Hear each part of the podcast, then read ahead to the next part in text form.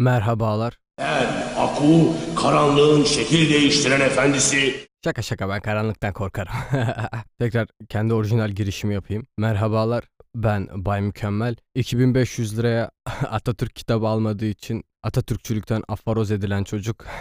Şimdi çok ciddiyetsiz girdim. Neden? Normalde konuşacağım konu çok ciddi ama konuşacağım konuya sebep olan insanlar ciddi alınacak insanlar değiller. Neden? Ortada şöyle bir şey var arkadaşlar. Mustafa Kemal Atatürk bu ülkeyi kuran, bu ülkenin muasır medeniyetler seviyesine ulaşmasında en çok emeği olan, hatta belki de şu ana kadar tek emeği olan, bütün her şeyi organize eden, bugün meyvesini yediğimiz ülkenin bütün temellerini atan insan olmasına rağmen bazı gruplarca saçma bir eleştiri bombardımanına tutuluyor. Ben ne zaman bu konu açılsa sinirden kudurmak noktasına geliyorum ve sinirliyken konuşmadığımdan bahsettiğim bir podcast'in hemen ardından sinirli bir şekilde bunları aktarmakta istemiyorum. O yüzden kendimi inanılmaz sakinleştirdim. Zaten saat henüz çok erken ve kafayı yemek istemiyorum. Böyle mikrofona kafa atmak istemiyorum. O yüzden sakin sakin durumu anlatmak istiyorum. Her şeyden önce. İkra. Bismi Rabbikellezi alak.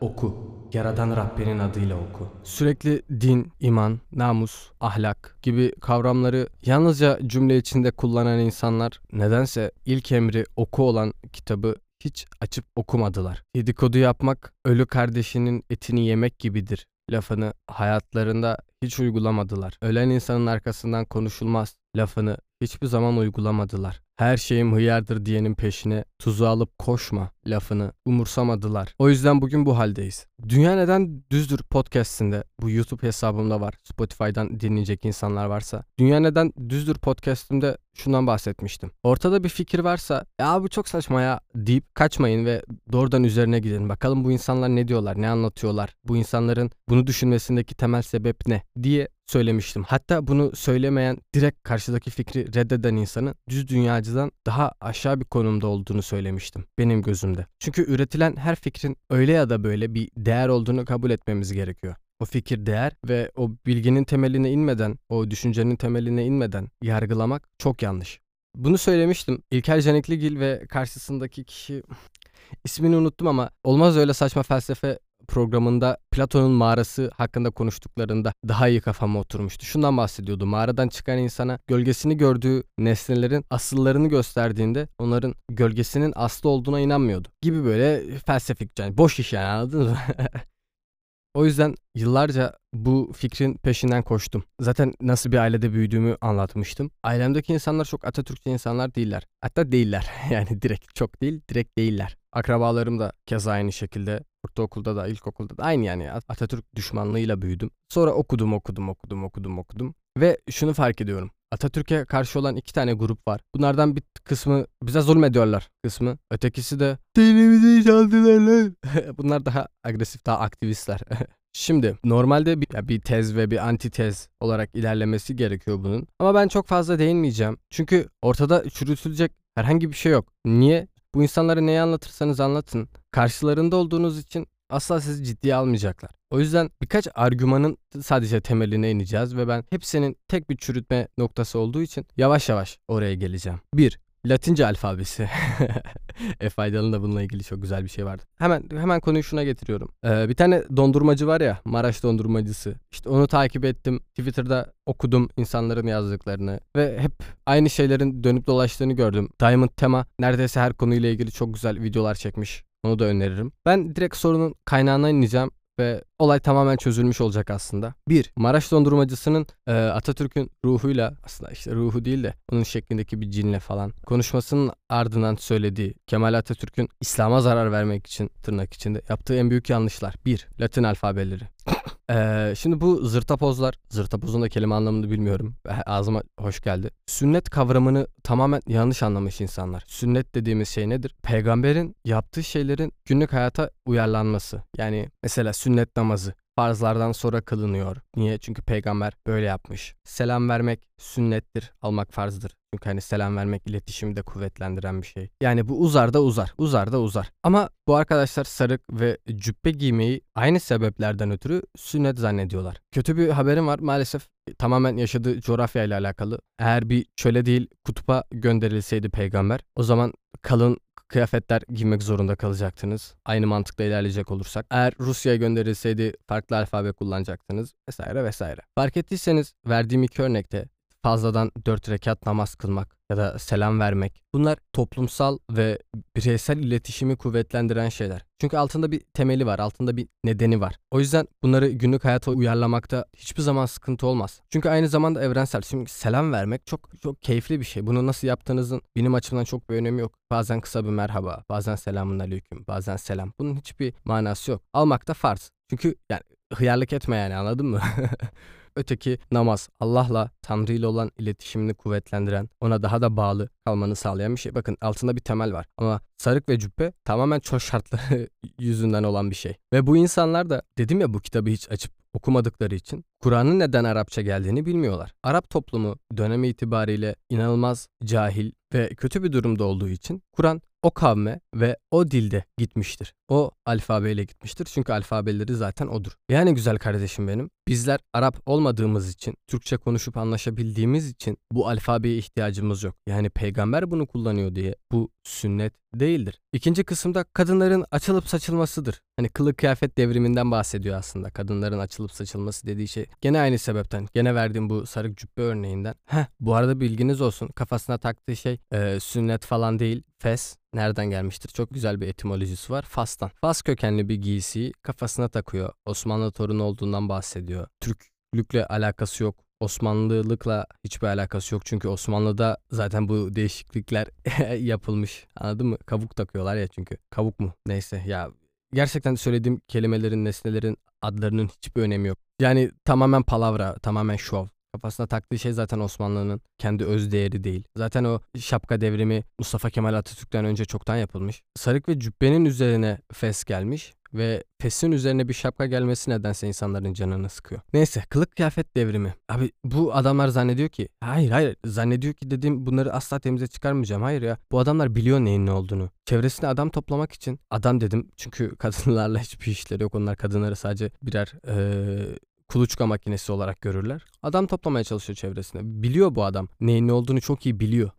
Yani İslam'a verdiği en büyük zararlar içerisinde zararların hemen sonrasında kılık kıyafet devrimi geliyor. Yani aslında olayın manipülasyon kısmını çoktan kavradınız. Yalan söylüyor. Direkt yalan söylüyor ve e, Adolf Hitler'in dediği gibi yalan ne kadar büyük olursa inanması o kadar kolaylaşır toplumca bir topluluk tarafından. Yalan söylüyor. Doğrudan doğrudan yalan söylüyor. Çünkü zannettiriyor ki devrim geldi ve bütün kadınların arkasından koşup hemen üstlerini çıkardı.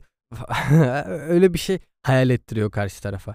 Ve insanlar bana kalırsa bu şekilde bir düşünceyi yayarak ya da bunları hafızalarında tutarak bu düşünceyi geliştirerek şunu atlıyorlar. Abi biz aslında hakikaten aşağılıyoruz atalarımızı. Neden? Çünkü bu savaşta can veren şehitler kendi namusuna, kendi ülkesine zarar gelmesin diye canlarını ortaya koyuyorlar. Ve sen diyorsun ki benim namusuma dokunulmasın diye canımı verdim. Hadi o zaman gel karımı elle. Hadi o zaman karımı soyacağım hadi şimdi. Bunun şerefine. Şimdi çok saçma bir örnek ama aynen buna geliyor. Savaş veriyorsun, savaş veriyorsun namusunu korumak için. Düşman eli bedenine değmesin diye, düşmanın parmakları ülkene sürülmesin diye vatanının namusunu korumaya çalışıyorsun ve bu savaşta can veren şehitler, o şehitlerin yakınları, gaziler diyor ki tamam hadi soyunalım. ya anlatabildim mi? Olayın saçmalığına ve olayın temelinde tamamen yanlış bir düşünceden dolayı ilerledikleri çok açık. Üçüncüsü de sanırım Türkçe ezandı. Maalesef ki bu insanlar Suudi Arabistan'da yani Arapça dilinin hakim olduğu bölgelerde pandemi döneminde ezanın namazınızı evde kılın şeklinde okunduğunu bilmiyorlar. Öldü daha o adam. Neyse. ya hiçbir önemi yok ya. Ezan sadece bir çağrıdır ve bunu Türkçe olarak okutulmasının İslam'a çok büyük zarar verdiğini düşünüyorlar. Ama tabii onlara soracak olursanız bu Arapların yani hepsi yanlış bir şekilde İslam'ı yaşıyor. En en doğrusu biziz. Ha bir de ne var? Mustafa Kemal Atatürk gizli bir ajan ve ülkeyi dinden uzaklaştırmaya çalışıyorlar vesaire vesaire vesaire. Fark ettiyseniz hepsinin temelinde din var. Dinden uzaklaşmamıza neden olduğu var. Asıl saldırdıkları nokta Mustafa Kemal Atatürk'ün dinsiz olduğu. Bu hiçbirimizi alakadar etmez ve bu dinsizliği halka yayması ve Avrupa'nın kölesi olmamız. Yüzeysel anlattım çünkü aslında konuştukları şey yıllardır bundan çok farklı değil. Efe Aydal'ın buna farklı bir bakış açısı getirdiğini duyduğumdan beri bunun üzerine birazcık okumalar yaptım ve aslında evet Efe Aydal haklı ve bunu sizinle paylaşmak isterim. Arkadaşlar eğer bir ülkeyi ele geçirmek istersen ha bir de şey var ya hilafetin kaldırılması var. Onu unuttum. Ha bak gene dinle alakalı. Hatta ben onu anlatayım. Halife İslam Birliği'nin siyasi siyasi tırnak içinde tekrar tekrar büyük harflerle bold söylüyorum. Siyasi lideridir. Bakın siyasi lideridir. Dini lideri değildir. Halife fetva veremez. Halife dini değiştiremez. Halife yalnızca siyasi bir liderdir. Devlet başkanı gibi düşünün. Bütün İslam ülkelerinin, bütün Müslüman ülkelerin, Müslüman ülke diye bir şey olmaz zaten yani kimliğinde mi yazıyor arkası, Türkiye çeviriyorsun arkası dini Müslüman yazıyor falan. Müslümanların siyasi lideridir. Ama görüyorsunuz ki zaten Birinci Dünya Savaşı'nda hiçbir işe yaramadı. İkincisi böyle bir dünya düzeninde halifeyi yaşatmazlar yani. Papa gibi bir şey olur. Papa Geçenlerde dedi ya gay evlilikler, eşcinsel evlilikler yasalara göre düzenlenmelidir. Onay verdi eşcinselliğe. Niye? Çünkü para ağır bastı. Tepki toplamak istemiyorlar artık. Ve ne yapıyorlar? Dini papa yardımıyla eğip bükebiliyorlar. Yani eğer halife gibi bir makam hala yaşıyor olsaydı bugün o küresel güçler, o dünyayı yöneten 5 aile aynı şekilde bu dine de çok büyük zararlar verirdi. Neyse ki böyle bir makam yok ve belli bir otoritenin altında değiliz. Bilmemiz gereken bütün kaynaklar, başta Kur'an, sonrasında hadisler, sonrasında tefsirler, bütün kaynaklara sahibiz. Açıp okuyup dinimizi birinin ağzından çıkacak sözlere bağlı kalmadan yaşayabiliriz. Eğer bir ülkeyi ele geçirmek istiyorsanız o ülkeyi dinsiz yapmazsınız. Çünkü dinsiz insanlar daha az sürü güdüsüyle hareket ederler. Çünkü din dediğiniz zaman çok kutsal bir kavram olduğu için dinde kitapta böyle yazıyor şöyle oluyor böyle oldu böyle oldu deyip insanları kandırabilirsiniz. Özellikle o kitabı hiç okumadılarsa çok kolay kandırabilirsiniz ve çok kolay yönlendirebilirsiniz. Yani Avrupalı devletler zaten fark ettiyseniz bir ülkeyi yönetmek istiyorlarsa onları sömürgeleri haline getirmek istiyorlarsa dinden uzaklaştırmazlar. Dini daha da dayarlar. Daha kısıtlayıcı bir şekilde daha yıpratıcı bir şekilde dayarlar. Ve bizler de eğer o dine inanıyorsak çok kolay kontrol edilebilir insan kitleleri haline geliriz söylediği şeylerin temelinde hep dinsizlik yatıyor ve bizi Avrupa uşağı yapmaktan bahsediyorlar. Ama sundukları argüman gerçekliğin tam karşısında bir şey. Gerçek hayatta tamamen uyarlanamaz. Gerçek hayattan tamamen bağımsız bir şey. Diğer grup için bir şey söylemeyecek miyim? Bize zulmediyorlar. Ya onlara ne söylesek onlar hep mağdurlar zaten. Onlar bir gün iktidara gelseler de hep mağdur olacaklar. Devamlı mağdur, mağdur. Bize zulmediyorlar. Bize zulmettiler biz de öyle yapıyoruz falan diyecekler. O yüzden hiçbir mantığı yok. Yani onlar şu an için tehlike değiller. Tehlike olduğu zaman onlar hakkında da konuşurum. Olayın bu tarafındaki sadece gruplarsa olayın şiddetini birazcık arttırıp troll hesaplarla, sahte hesaplarla körüklemeye çalışıyorlar. Her Atatürk postunun altında varlar. Sürekli bir hakaret, sürekli bir ayrıştırma çabası. Ben derim ki bunlara çok kulak asmayalım. Kendi kendilerine yaşayıp dursunlar. Zaten bir gün kaza bela iktidar değişirse bu insanlar da aynı şekilde tamamen değişmiş olacaklar. O yüzden hiç kafaya takmamayı kendi adıma doğru buluyorum. Bana soracak olursanız Mustafa Kemal sevgisinin bu kadar yoğun olmasının ve hala onu savunmak zorunda olmamızın temel sebebi nedir diye. Dedim ya bir tane var bundan. Yani Mustafa Kemal'den bir tane var maalesef. Eğer Mustafa Kemal'den sonra gelen insanlar onun yaptığının yarısı kadar emek vermiş olsaydı ülkeye, onun ideallerinin yarısının peşinden koşmuş olsaydı bugün hiç Mustafa Kemal'den bahsetmiyor bile olurduk. Yani bu kadar sevgi ve saygı beslemezdik. Eyvallah paşam. Hani Amerika'da oluyor ya her gelen şimdi ülke 2-3 kat büyük ekonomiye çektiği için başkanlarına karşı o kadar şey değiller ölüp bitmiyorlar böyle eski konuşmalarını okuyup ağlamıyorlar ya da parçalamıyorlar kendilerini bizim gibi. Çünkü bizde bir tane var ona sarılmak zorundayız. Onu korumak zorundayız. Korumak zorundayız bir de çünkü hemen hemen karşı çıkıp saldırmaya başlıyorlar. Neyse ben daha fazla nutuk atmayayım. Ha ha ha ha ha. 1984 nutu atarım kafanıza şimdi. Nasıl şaka Çok komik değil mi? Aşırı komik.